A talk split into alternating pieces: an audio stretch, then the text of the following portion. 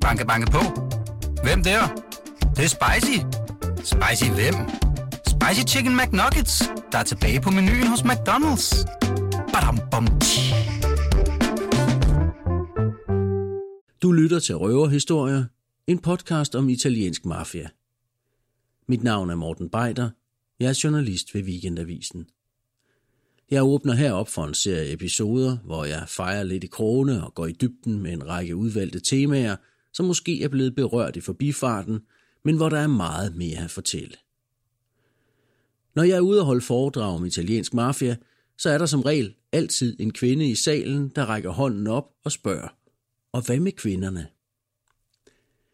Det skete også sidste gang, da jeg var på Vanget Bibliotek for at fortælle om mafiaens historie. Det lange svar får du her i dette afsnit, som jeg har kaldt Hyænerne. Un po' di silenzio per piacere che cominciamo.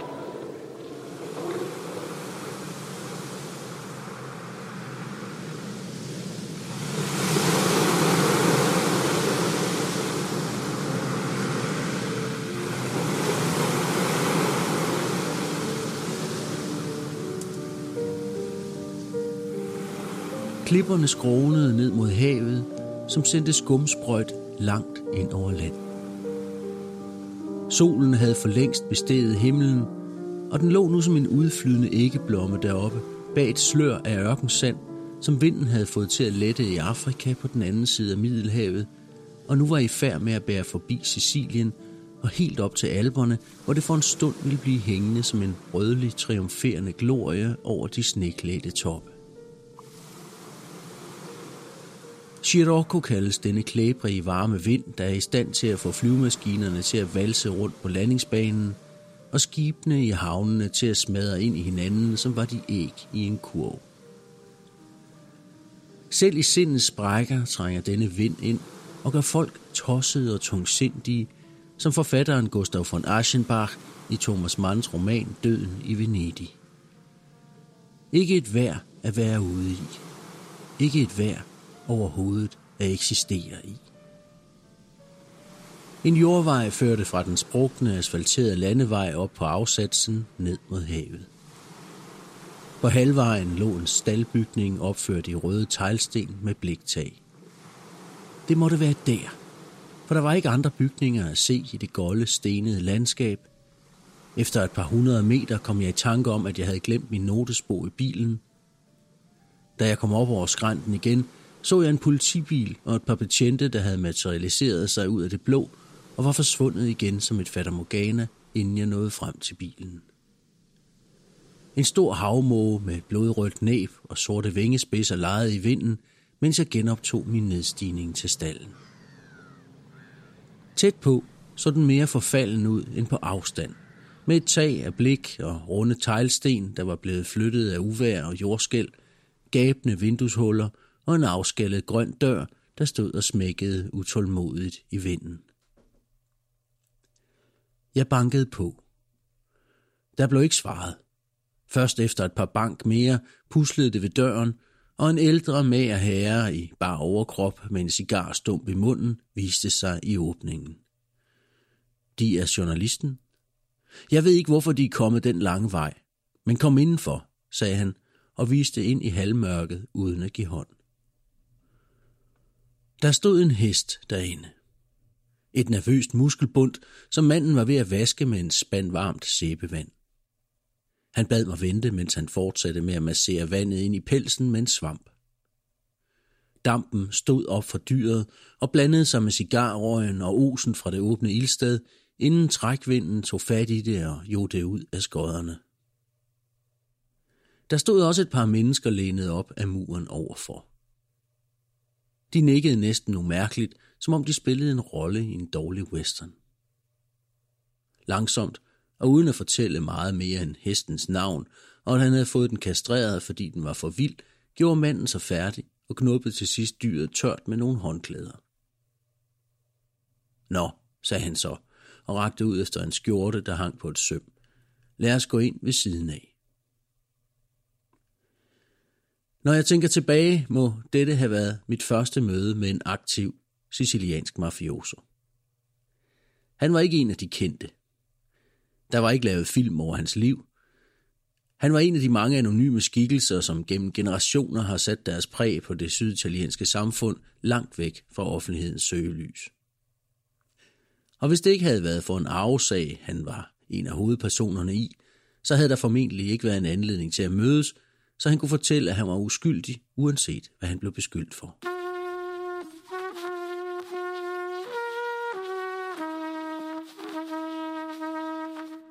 Dengang forestillede jeg mig mafiaen som en verden, der var skabt af mænd, til mænd og for mænd.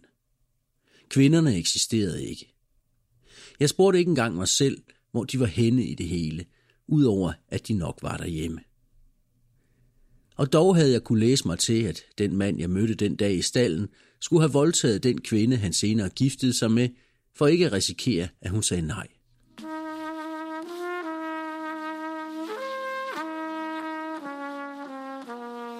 Når jeg tænker tilbage, så var det hende, jeg skulle have forsøgt at få et interview med den dag. Også selvom det sandsynligvis ville have været umuligt. Senere forsøgte jeg at komme til at tale med kvinderne i afhopperen Claudio Samperis liv, dem som jeg fortalte om i første sæson, men ingen havde lyst til at tale med en fremmed. Og senere forsøg med andre blev heller ikke til noget, hvilket naturligvis er et minus for denne podcast-serie. Og i særlig grad for dette kapitel, der netop handler om kvinderne i Italiens mafiaer. Er de passive eller aktive? Er de ofre eller medskyldige? Og hvis de spiller en rolle, hvor stor er den så? Det ville være bedre, hvis de fortalte det selv. I stedet må jeg tage til takke med det, jeg trods alt har og kan finde, og forsøge at bruge det så godt, som jeg kan. Sådan er det med historier fra virkeligheden. Sono andato, porca la miseria puttana, fa, Coenza, quello mi ha detto... Lyt for eksempel til ham her, som lige nu er oppe og skændes med sin kone i telefonen over en mobilregning. Jeg kalder ham Lillo. I mange år var Lillo leder af mafiafamilien i en mindre by på det sydlige Sicilien. På overfladen var han en stor entreprenør, men hans måske vigtigste job var at fragte den sicilianske mafias øverste bosser rundt på øen. Det skete blandt andet i en privat ambulance. På den måde lærte Lillo de øverste bosser at kende på nært hold. Folk som Totorina og hans efterfølger Bernardo Provenzano. Lillo spiste hjemme hos dem og mødte deres koner, de sidste to ukronede dronninger i den sicilianske mafias historie, skolelærerinden Ninetta Bagarella og skjortemærsken Saveria Benedetta Palazzolo. Reina, la mente di Reina, il cervello di Reina era Ninetta Bagarella, la moglie. Reina era un coglione di Formula 1, credimi, era e. Ninetta Bagarella var den hjerne, hendes mand Totorina ikke selv var udstyret med. Han var idioternes svar på Formel 1, tro mig. Men hans kone havde ikke bare to, men tre panosser. Det ved jeg, for jeg har spist, drukket og sovet hjemme hos disse mennesker. Konen var en, der aldrig mistede tålmodigheden, hun fyldte sin rolle som kvinde ud, men hun havde altså tre panosser. Rina selv var bare en herreløs hund. I modsætning til hende var Provenzanos kone, fru Palazzolo, mere usynlig. Man så hende aldrig. Hun deltog aldrig i de store edegilder. Forstår du? Capiche?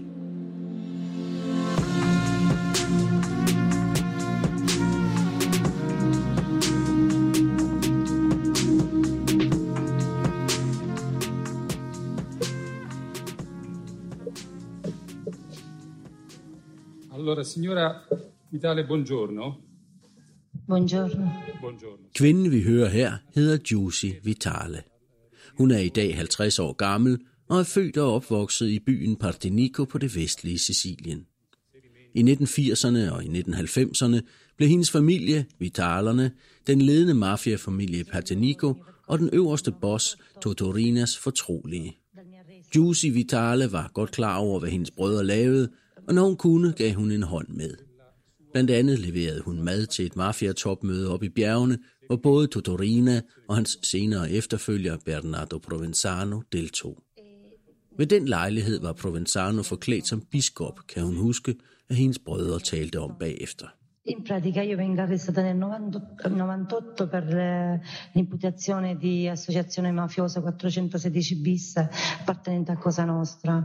Mi faccio i miei, vengo Scusi, condannata a a quale, a quale- a quale famiglia? E Corleonese, I Corleonesi. Ma la famiglia da Torrina. non ho, non ho sentito, scusi. La famiglia Rina, i Corleonesi. Corleonesi. For Jussi Vitale var der ikke noget underligt i at leve i en mafiafamilie. Det var det eneste liv, hun havde kendt til. Og da alle de mandlige medlemmer af hendes familie var blevet fængslet i 1998, overtog hun ledelsen og blev i praksis den første kvindelige capo mandamento, afdelingsleder i den sicilianske mafias historie. Det vil sige, hun blev aldrig prikket i fingeren og afsagde aldrig troskabsseden, for hun var en kvinde, og kvinder kan ikke blive optaget i den sicilianske mafia Cosa Nostra. Men når der ingen mænd er tilbage, må kvinderne gøre arbejdet for dem. Og således satte Giussi Vitale sig for enden af bordet og kommanderede i nogle måneder som en mand, og senere blev hun anholdt og dømt for mafiamedlemskab som en mand, og endelig hoppede hun af som så mange af mafians mænd før hende. Hendes drøm, der aldrig gik i opfyldelse, var at blive fuldgyldig medlem af Cosa Nostra, som hendes brødre var det.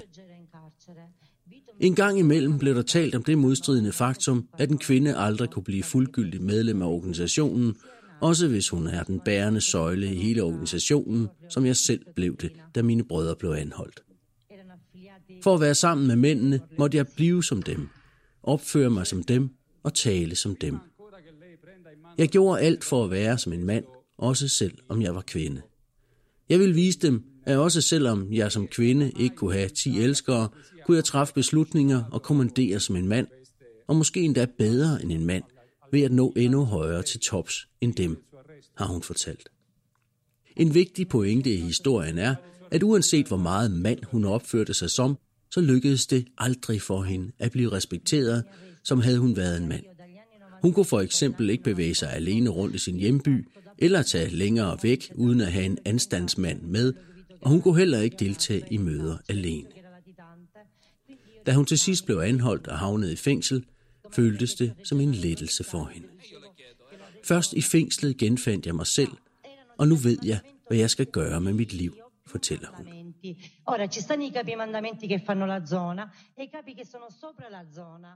Der er nogen, der mener, at kvindefrigørelsen langt om længe er ved at nå til den italienske mafia. At den feministiske profeti er ved at gå i opfyldelse, som blev fremsat i 1975 af en amerikansk kriminolog og en amerikansk sociolog, gående ud på, at når kvinderne engang blev ligestillet med mændene og fri for kønsdiskrimination og undertrykkelse, så vil de også blive mere kriminelle. Endnu kan man ikke rigtig se det i statistikkerne, hverken i Italien eller i resten af verden, hvor det stadig er sådan, at kvinder begår langt færre forbrydelser end mænd. Det har kriminologer og sociologer mange interessante forklaringer på.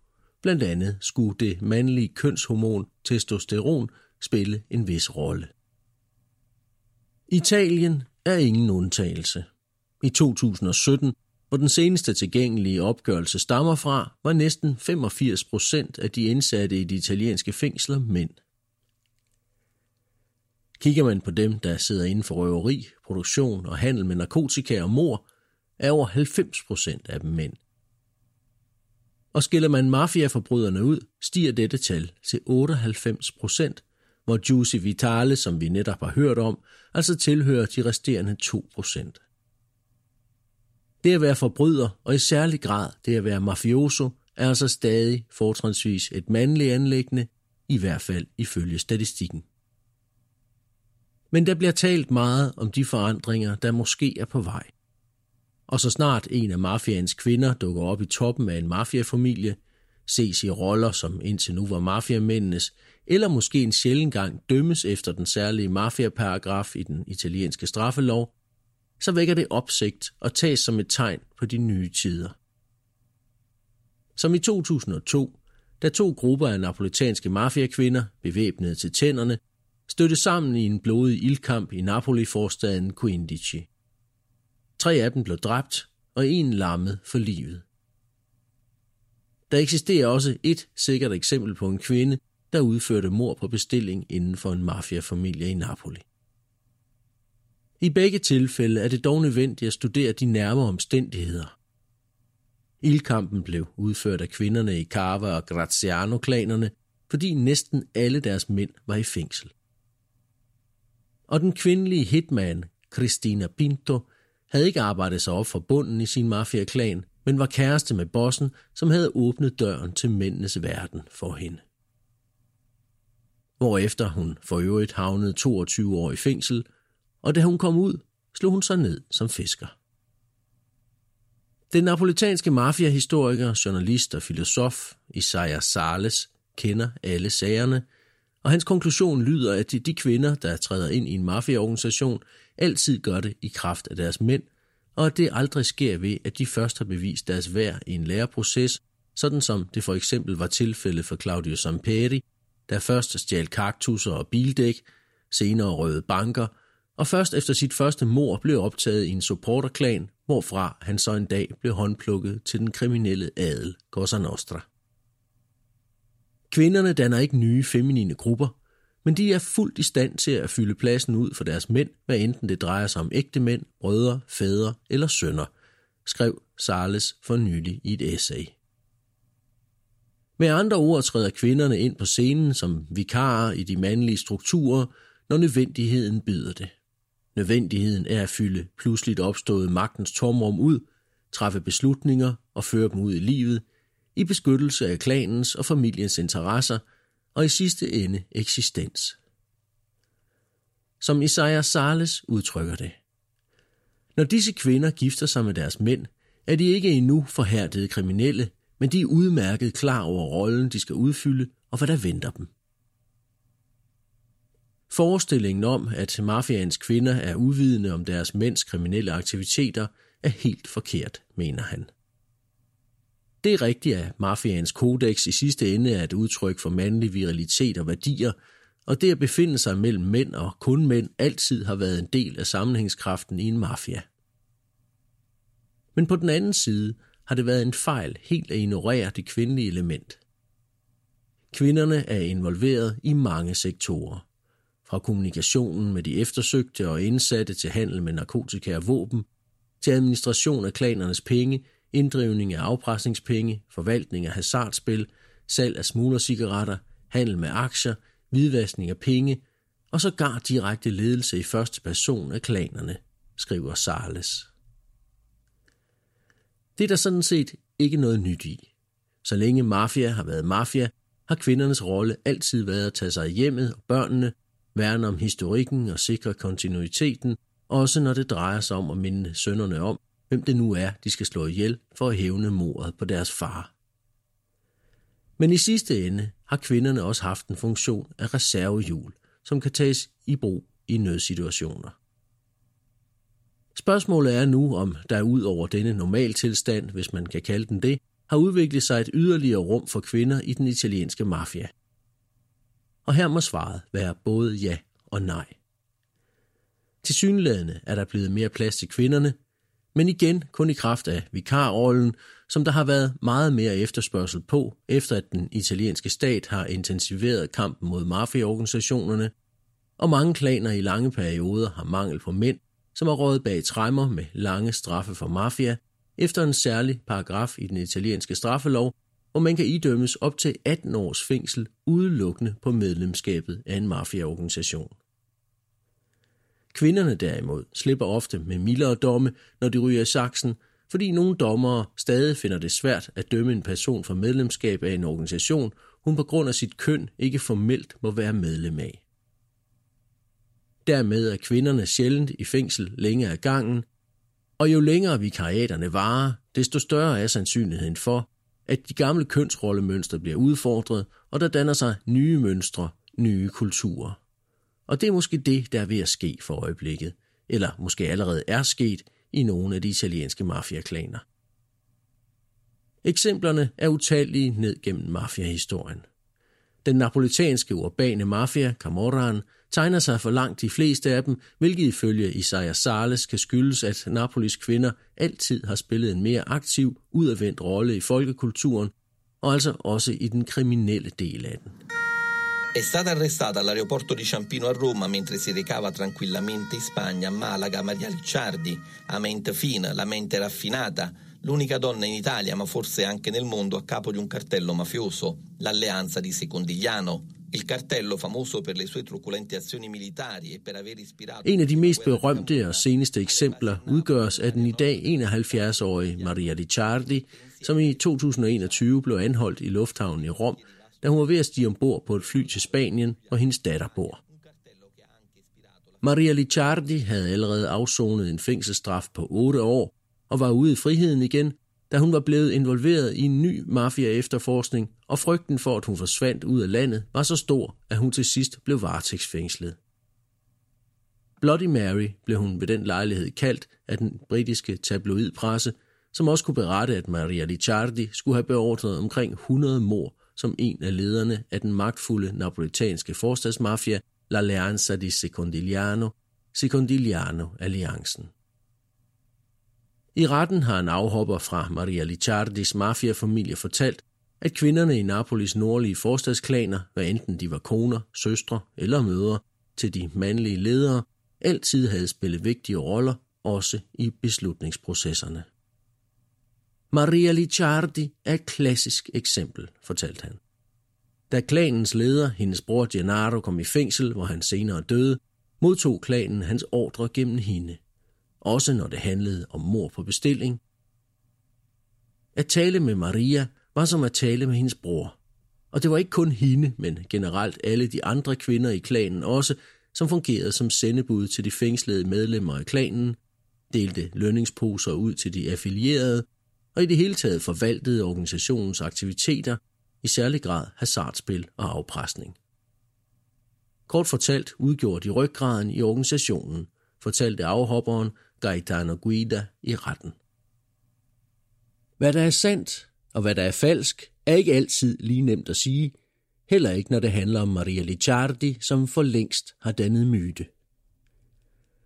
Blandt andet har hun også givet inspiration til den kvindelige mafiaboss Chanel i streamingserien Gomorra, hvor hun fremstilles som en stærk og hård leder, der ikke lader sig knuge af det kriminelle system, men som måske er systemet i endnu højere grad, end mændene er det. Og som ikke tøver med at få sin privatchauffør myrdet, da hun mistænker ham for at have en affære med sin svigerdatter, mens sønnen sidder i fængsel. Non te da pensiero, te. O tempo tu è farnuta.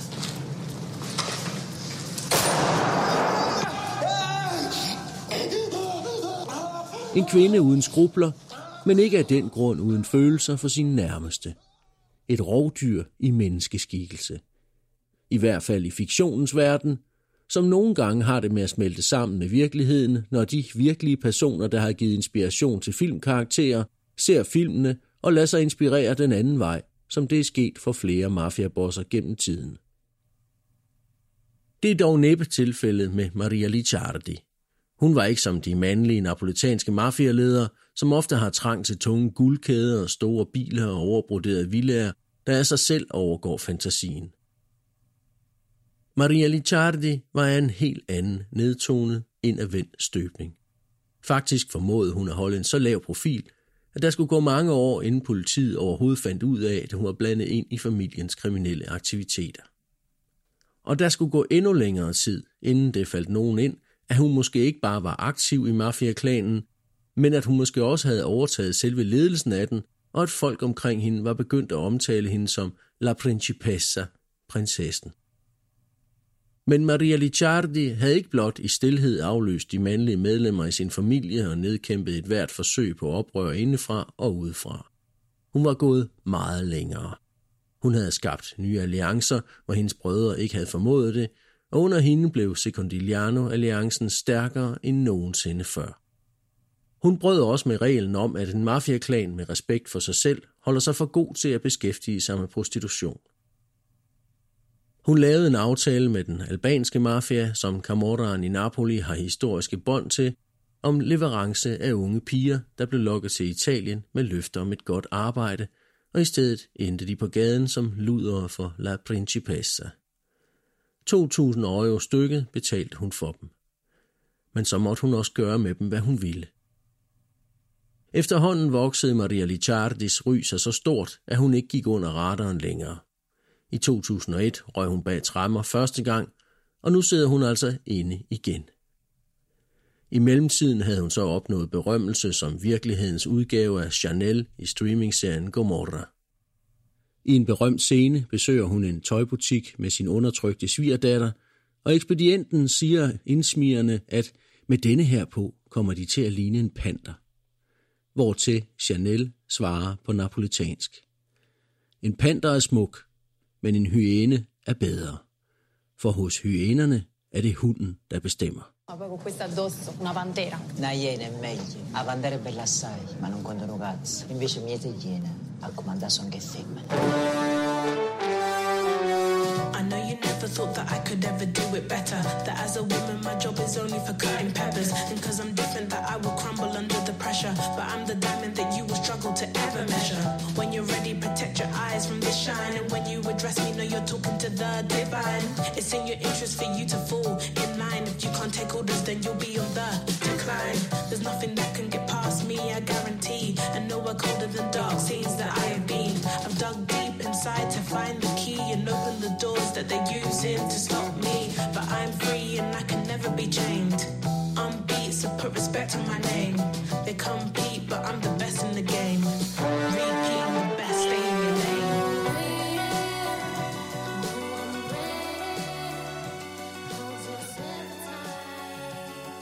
En helt ene var Maria Licciardi alias Chanel endt som for mange. Og sådan er det med flere af de kvindelige napolitanske mafiabosser.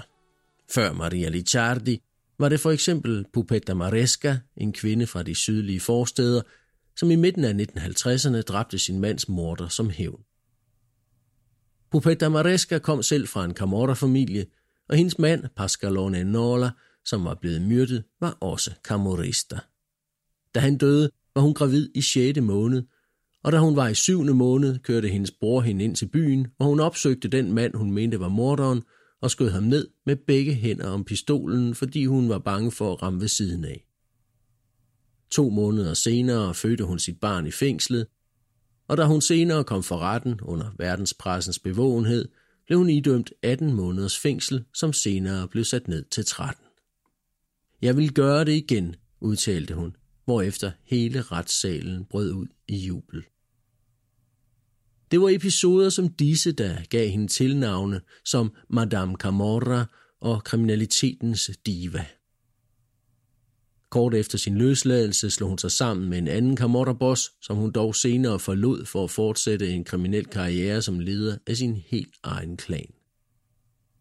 Og ligesom Maria Licciardi senere gik sine egne veje i nullerne, så gjorde Bupetta Maresca det også i 80'erne, da hun indkaldte til pressemøde for at udfordre datidens største napolitanske mafiaboss, nemlig professoren fra Ottaviano, Raffaele Cutolo, som jeg har fortalt om i et tidligere kapitel af denne podcast. En kvinde, der talte overmagten midt imod. Sådan noget havde man aldrig set før. Heller ikke i Napoli. Men Cutolo havde lagt en afgift på hver kasse smuglercigaretter, der blev bragt ind i byen, og det ville Donna Popetta ikke finde sig i. Og hun var ikke bange for at sige det, så alle kunne høre det. Også Don Raffaele selv og Don Raffaeles søster Rosetta Cutolo. For også bag den største napolitanske mafiaboss nogensinde stod der en kvinde, som styrede klanen for sin bror, mens han var i fængsel. Og det var han stort set hele tiden. Også Rosetta Cutolo var i fængsel i nogle år, dømt for mafiaforbrydelser, men nu er hun ude igen og bor i hjembyen Ottaviano, hvorfra Cutolo-kartellet i sin tid blev styret fra det lokale slot. Pupetta Maresca derimod døde mellem jul og nytår 2021 i en alder af 86, efter at have givet inspiration til flere film på samme måde som Rosetta Cutolo, Maria Licciardi og for den sags skyld også legemorderen Christina Pinto. Pupetta Maresca fik endda også en syngerolle i filmen Delitto a Posilli fra 1967, hvor hun fremførte den napolitanske klassiker O Bene Mio. Pupetta, cantaci la tua canzone.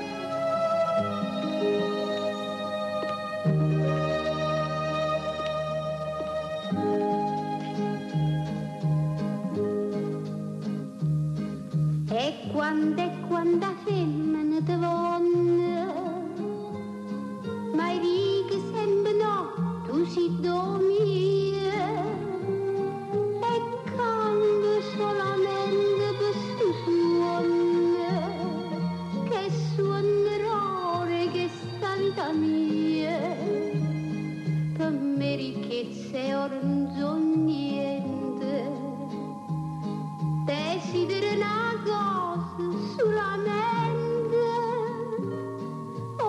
O decidere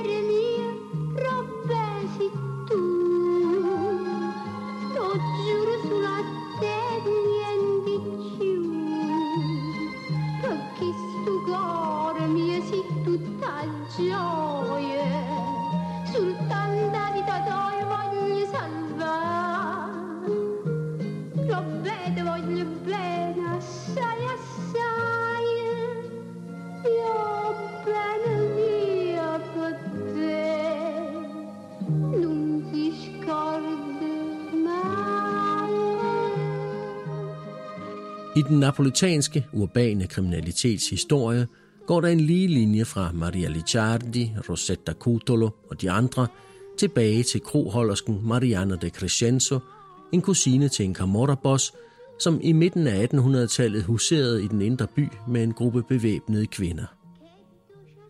Mariana de Crescenzo var ikke formelt medlem af Camorraen, som dengang gik under navnet Selskabet, men ifølge en velunderrettet kilde, en dagbogsskrivende svejsisk hoteldirektør, kendte hun alle dets medlemmer og samlede dem i sit hus til nogle højst risikable hemmelige møder. Disse kvinder holdt sig heller ikke for gode til afpresning, fortæller direktøren. Selv rødderne på gaden rystede, når de så disse skørteklædte kvindelige gangstere. Alle vidste, at den skønne dag ville deres ægte mænd blive løsladt og opsøge de dårlige betalere med en kølle under armen for at få en forklaring på den ubetalte gæld. Og det hører med til historien, at Mariana de Crescenzo, den kvindelige mafialeder, var den eneste kvinde, som fik lov til at stemme, da der i 1860 blev afholdt lokal folkeafstemning om tilslutning til et samlet Italien. Der var sandsynligvis ikke nogen, som vågede at nægte hende adgang.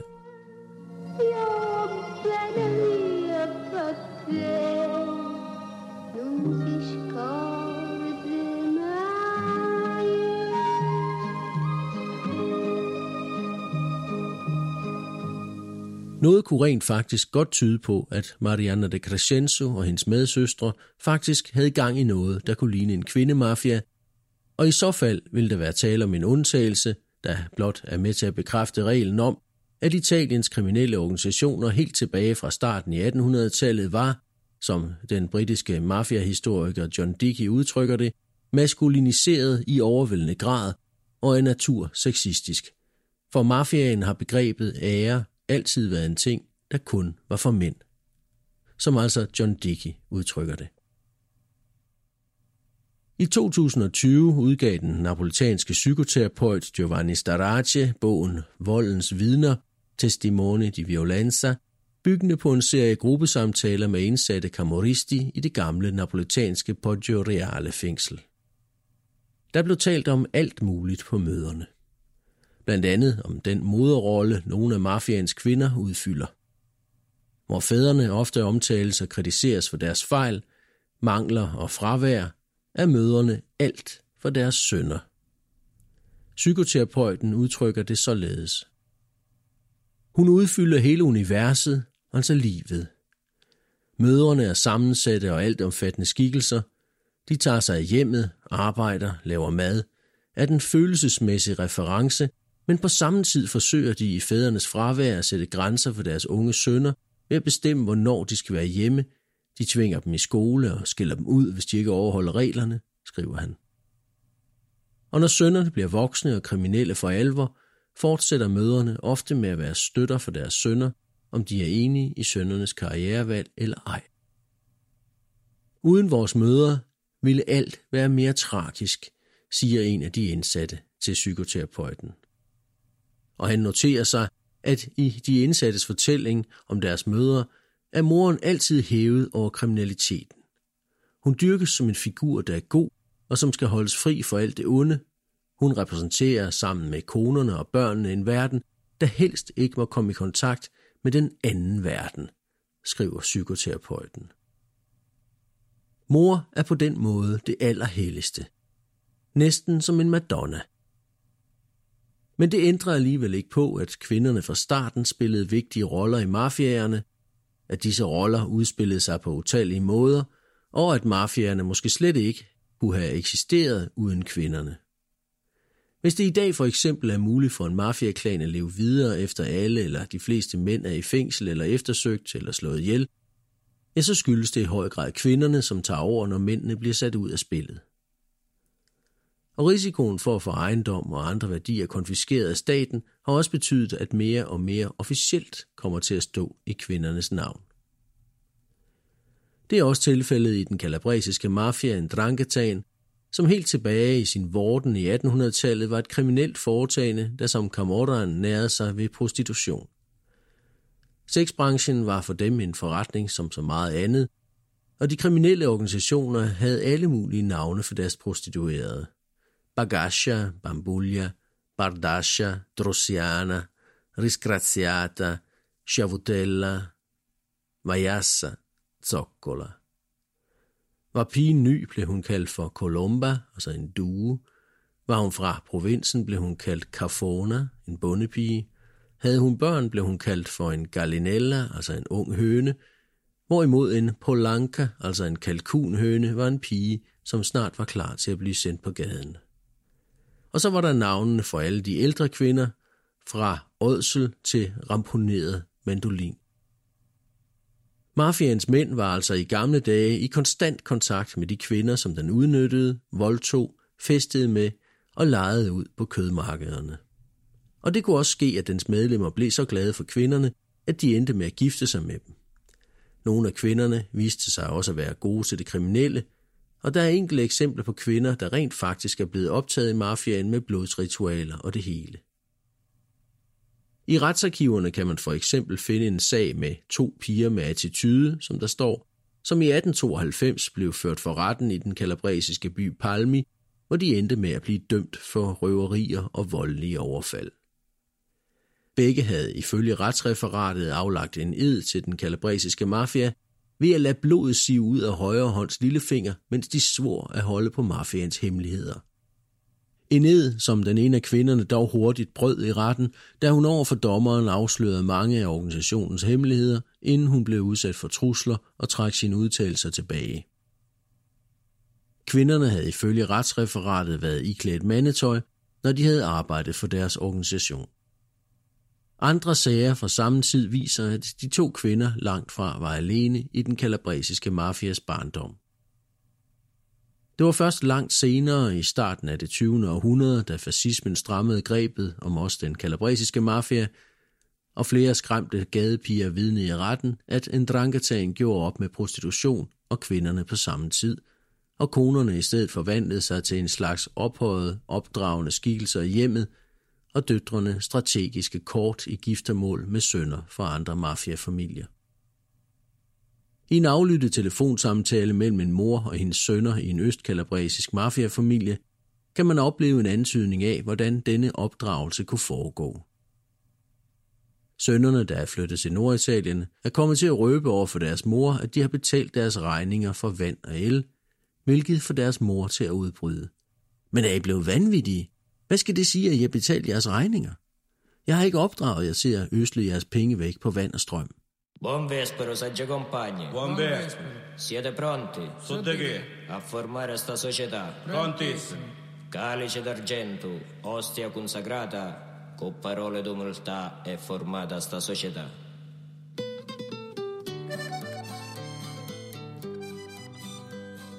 Over for den napolitanske Camorra og den kalabresiske Ndrangheta har den sicilianske mafia Cosa Nostra derimod altid repræsenteret sit eget kapitel, når det kom til kvinderne. I Cosa Nostra har prostitution aldrig været tilladt, og dermed var organisationen lukket for kvinder helt fra starten, bortset altså fra enkelte undtagelser undervejs, som netop Juicy Vitale jeg fortalte om i starten af dette kapitel. En forklaring på dette kommer den store sicilianske forfatter Leonardo Sciascia måske med på en lidt bagvendt måde i bogen Sicilien som metafor, hvor han giver udtryk for den i øvrigt meget katolske opfattelse af kvinden som et ulykkesvæsen, man som mand bør passe på. Oddio, se- øh, mettendolo in termini freudiani si può dire che la Sicilia si muove tutta a livello dell'es. Se si muovesse a livello dell'io sarebbe meglio. Mange af sydens tragedier kommer fra kvinderne, især når de er blevet mødre. Syditaliens kvinder har noget forfærdeligt over sig. Hvor mange æresdrab er ikke blevet fremprovokeret eller fremskyndet og opmuntret til af kvinder. Af kvinder, som var mødre eller svigermødre. Pludselig er de i stand til at få deres sønner til at begå de værste nederdrægtigheder for at få hævn for uretfærdigheder, de måske selv var udsat for som unge. Og hvis deres svigerdøtre protesterer, så siger de bare, hvis du havde modet til at gifte dig med min søn, så må du også nu være klar til at betale prisen. Disse kvinder udgør i sig selv et element af vold, uhederlighed og magtmisbrug i det syditalienske samfund, også selvom en del af denne gamle magt er falmet noget siden amerikanernes landgang i 1943, og byggeriet af nye huse betød, at sønnerne og svigerdøtrene kunne forlade mødrenes gamle tyranniske ildsteder og dermed svække dette magtsystem, skriver Sasha i Sicilien som metafor.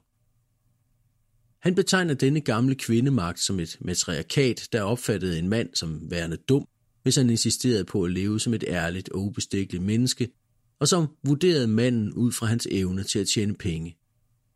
Alt sammen noget, der var med til at lede manden i fordærv, ifølge Sasha. Det kan måske lyde en anelse misogynt, hvilket jeg dog på ingen måde tror, at man kan anklage Leonardo Sciascia for at være. Derimod er han en uforfærdet jagttager med en våget, tilspidset pointe, som han kunne slippe afsted med sidst i 70'erne, men som næppe var gået i dag. Men uanset hvad, var og bliver Leonardo Sciascia en af Siciliens største forfattere nogensinde, og den første overhovedet, der vågede at skrive en roman, som nøje beskrev den sicilianske mafia som en organisk del af den italienske magtstruktur. Sciascia kendte alle afkroge af det komplicerede sicilianske sind, og han var ikke bange for at fortælle om det, og heriblandt også den rolle, han mente kvinden spillede som katalysator for tragedier. Jeg ved ikke, om man kan forestille sig, at de gamle sicilianere, som i 1800-tallet gav liv til den sicilianske mafia, til forskel fra napolitanerne og kalabreserne fra starten undgik kvinderne, fordi de frygtede, at al den passion og manipulation ikke ville føre til andet end ulykker. Men det er vel nok mere sandsynligt, at de bare på det punkt ikke var meget anderledes end så mange andre på deres tid, hvor det var normalt at mene, at kvindens plads var i hjemmet, og at sicilianerne måske bare var lidt mere konsekvente end i Napoli og i Kalabrien. Og meget afhang vel også af, hvordan manden var.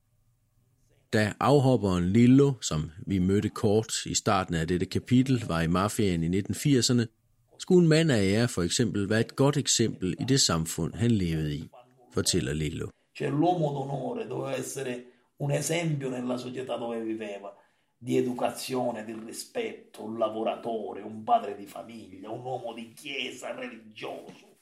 C'è l'uomo d'onore vero, la domenica andava a messa e si prendeva pure l'ostia alla comunione. L'uomo d'onore vero non andava al bar a ubriacarsi a giocare alle carte. L'uomo d'onore vero non arrivava a casa e strillava, picchiava la moglie, i figli, capisci? Han skulle være en velopdragen, respektfuld, hårdt arbejdende familiefar og kirkegænger. Man så ham aldrig hængende over en bardisk eller et spil kort, og han råbte aldrig sin kone eller slog hende, forstår du? Men alt er i opbrud i dag. Jeg har besøgt mænd af ære af den gamle skole, hvor konen og de andre kvindelige medlemmer af husstanden forsvandt, når der dukkede en fremmed mand op, og når de kom med maden, så blev den serveret med nedslået blikke. Det var familier, hvor man, når familie overhovedet tog et lidt dybere åndedrag normalt, kunne høre fluerne flyve gennem stuen, så stille blev der. Ha, lige til en film. Men jeg har oplevet det i virkeligheden. Robba var film, det var jo.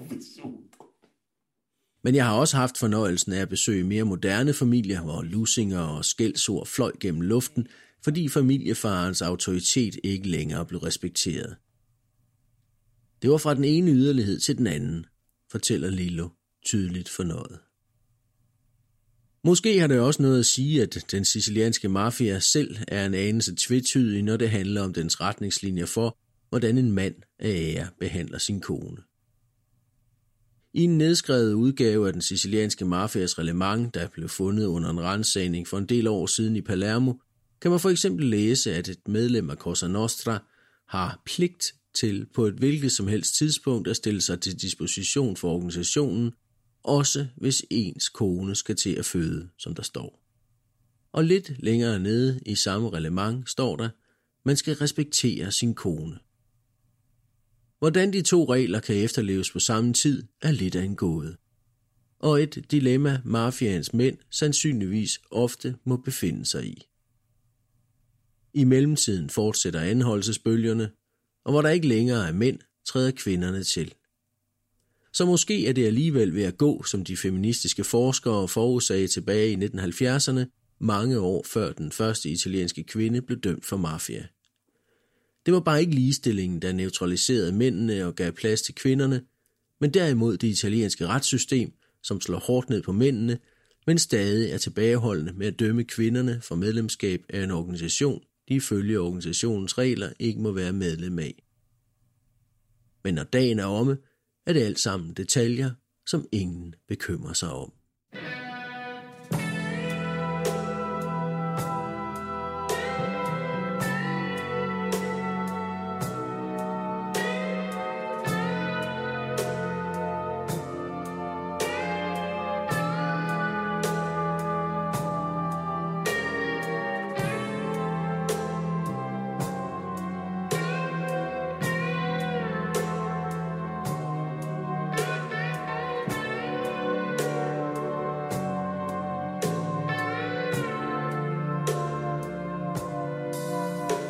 Du har lyttet til Røverhistorier, en podcast om italiensk mafia. I næste kapitel vil jeg tage hul på en række skæbnefortællinger, hvor sønner er blevet ofre for deres fædres valg. Mit navn er Morten Beider. Jeg er journalist ved Weekendavisen.